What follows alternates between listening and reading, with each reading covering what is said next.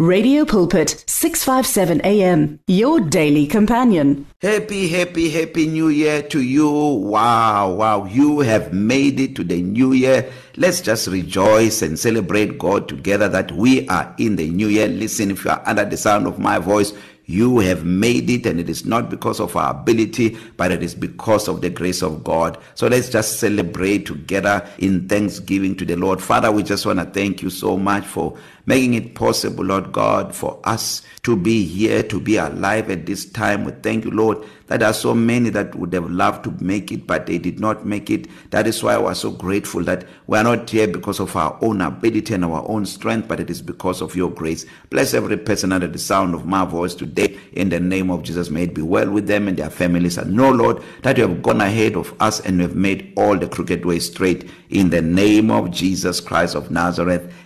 Amen and amen. Wow. Our first, first, first, you know, show uh, in the new year. I am so excited about what God is going to do this year. I know that you are also excited about what God is going to do. Listen, you and I, we are going to experience God this year in a new way. I tell you, God is up to something big. This is something big. I mean, very, very, very big. And we are in great anticipation of that. So, um, uh, leading to the new year, which is last week, we, we, we started a new message, which I promise that it will take us into the new year. um on the glory of God and I wanted to talk about the glory of God because I believe with all my heart that for the body of Christ we are in a season of the glory of God. I don't want to say we're in the year of the glory of God because I believe that this is it's not something that is that is starting now it's starting now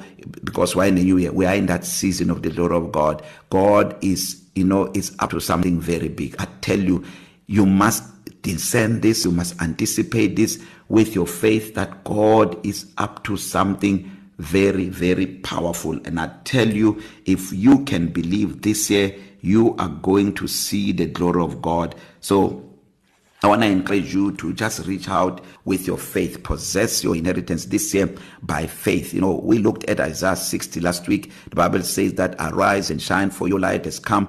The glory of the Lord is risen upon you. Listen, the glory of the Lord is truly risen upon you. It is risen upon you. I promise you, you must believe that. Not only that, the Bible says that That glory is going to be seen upon you. That glory is going to open doors for you which no man can shut. I believe with all my heart that in areas, you know, where you struggled in the previous year, you will not struggle in this year. Only if you believe. It's not automatic. Listen, the grace of God is it's not automatic. Many people are under this uh, delusion that the grace of God is automatic. No, it is not automatic. The grace of God needs to be appropriated intentionally, deliberately, you appropriate the grace of God. I gave an example last week that the grace of God is like someone giving you a card and says, In this card,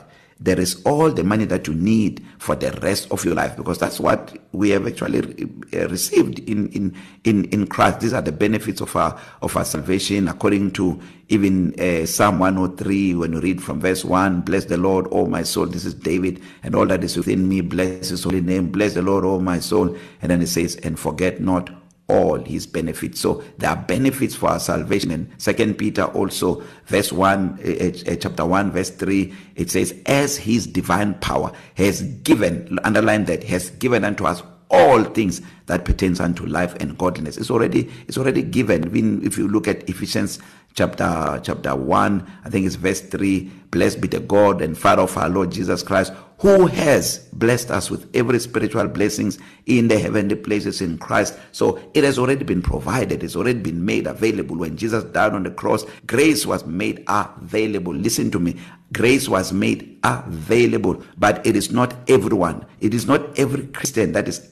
is able to appropriate. It's possible for every one of us to appropriate it, but not everyone is appropriating it. I said, you know, in the previous um, uh, show that the grace of God is like a bank card.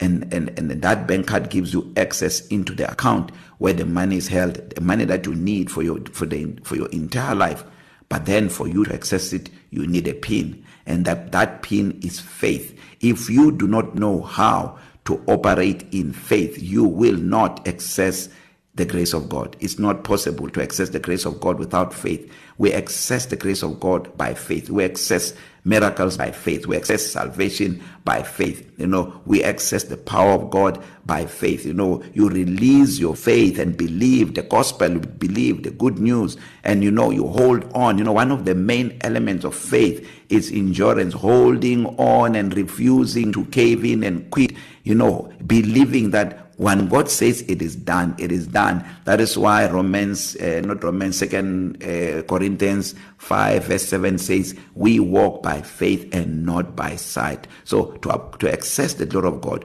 you need to believe. You need to mix the gospel with faith. You need to believe that these things are available for you. You confess it and you receive it. You live as if you have received, even if you have not received. Remember, the Bible says that God quickens the dead He calls those things that be not as though they were. So if he calls those things that be not as though they were, what is our response? Our response is that we receive those things that be not as though they were. That is why also when you look at um, uh, Hebrews chapter chapter 11 um, verse 1 in the amplified classic edition there is a last part which says faith perceive as real fact what is not revealed to the senses. So faith is not limited to what is revealed to the senses. Faith perceive as real fact even what is not revealed to the senses. Faith sees what is not revealed to the senses as real. And this is my encouragement to you today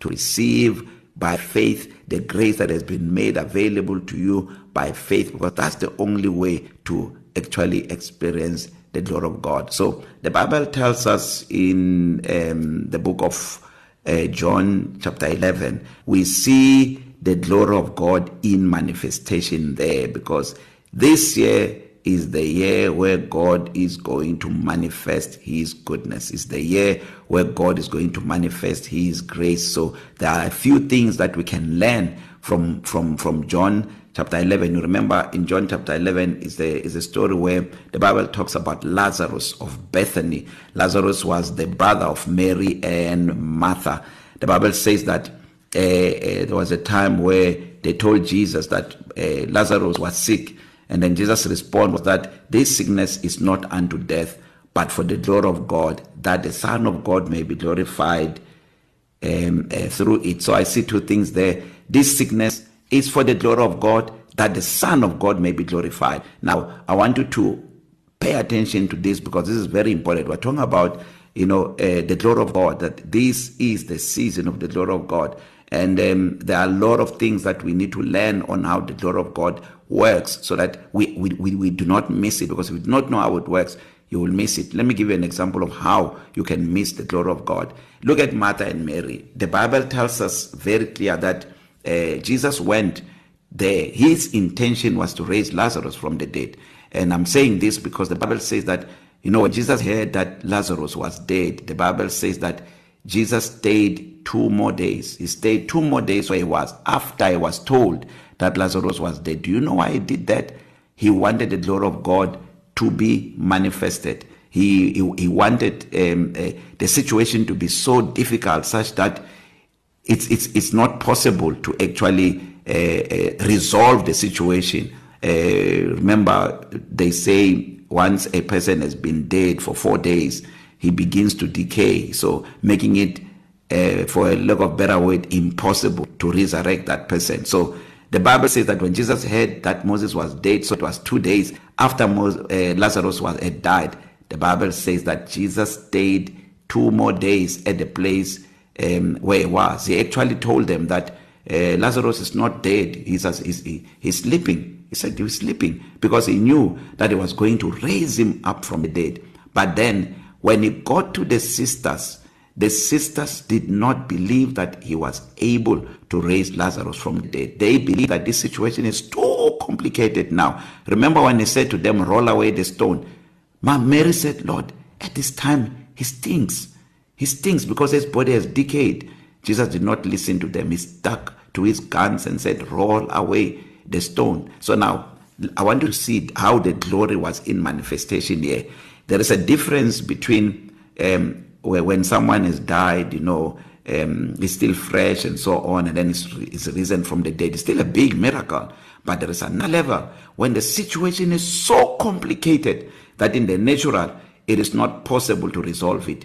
and then someone come and provide a solution right in the midst of that someone come and provide a solution man i tell you that is the manifestation of glory because the here in this situation the situation was so such that nobody thought that Lazarus had any chance because he was dead for 4 days and he said something very powerful in in in, in verse 40 John chapter 11 verse 40 um, uh, the Bible says that you know uh, Jesus uh, told told told them um, uh, didn't I say to you that if you would believe you will see the glory of God didn't I tell you didn't I say to you that if you will believe actually when you read this in the amplified he says didn't I tell you that if you will believe uh, uh, my promise you will see the glory of God so what is the glory of God the glory of God is a manifestation of God's power The glory of God is the manifestation of God's goodness.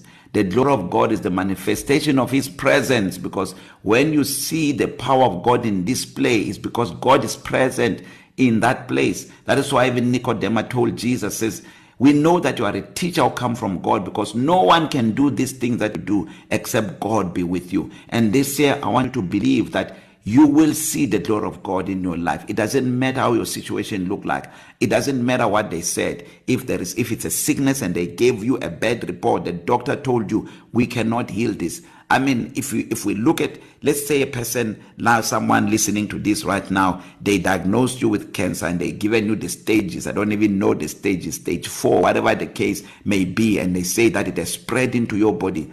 And Jesus hears about that and then he stays two more days and say this sickness is not unto death but that for the but for the glory of God that the son of God may be glorified and he waits for it to be in that state where the doctors even declare you dead and he comes and turn the situation around our God is able to do that he is a wonder worker he is the miracle worker where his presence is things cannot remain the same and we see this also in second corinthians uh, uh, uh, uh, chapter um, Second Corinthians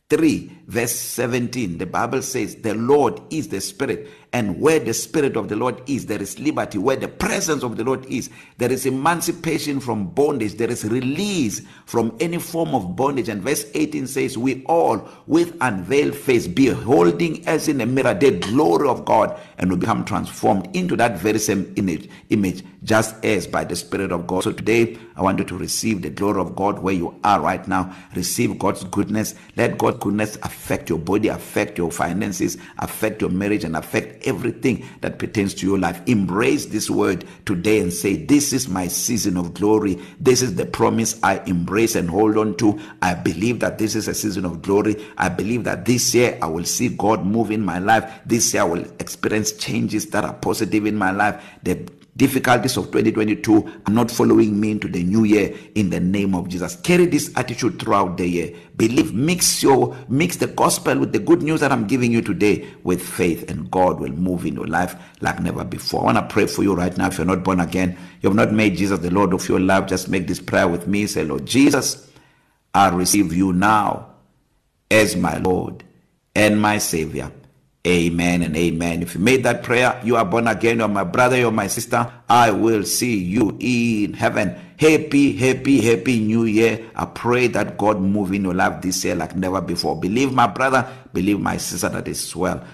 I love you so much. God bless you till we meet again next time. God bless. We are here 24 hours a day with the message of hope, faith, and love on 657 AM. Radio Pulpit understands that praying alone isn't always easy.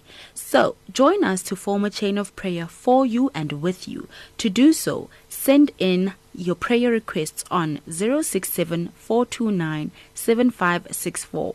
That is 0674297564 or alternatively email us on prayer at radiopulpit.co.za. That is prayer at radiopulpit.co.za. Many people across South Africa are being blessed and encouraged by the Radio Pulpit devotional magazine, The Word for Today.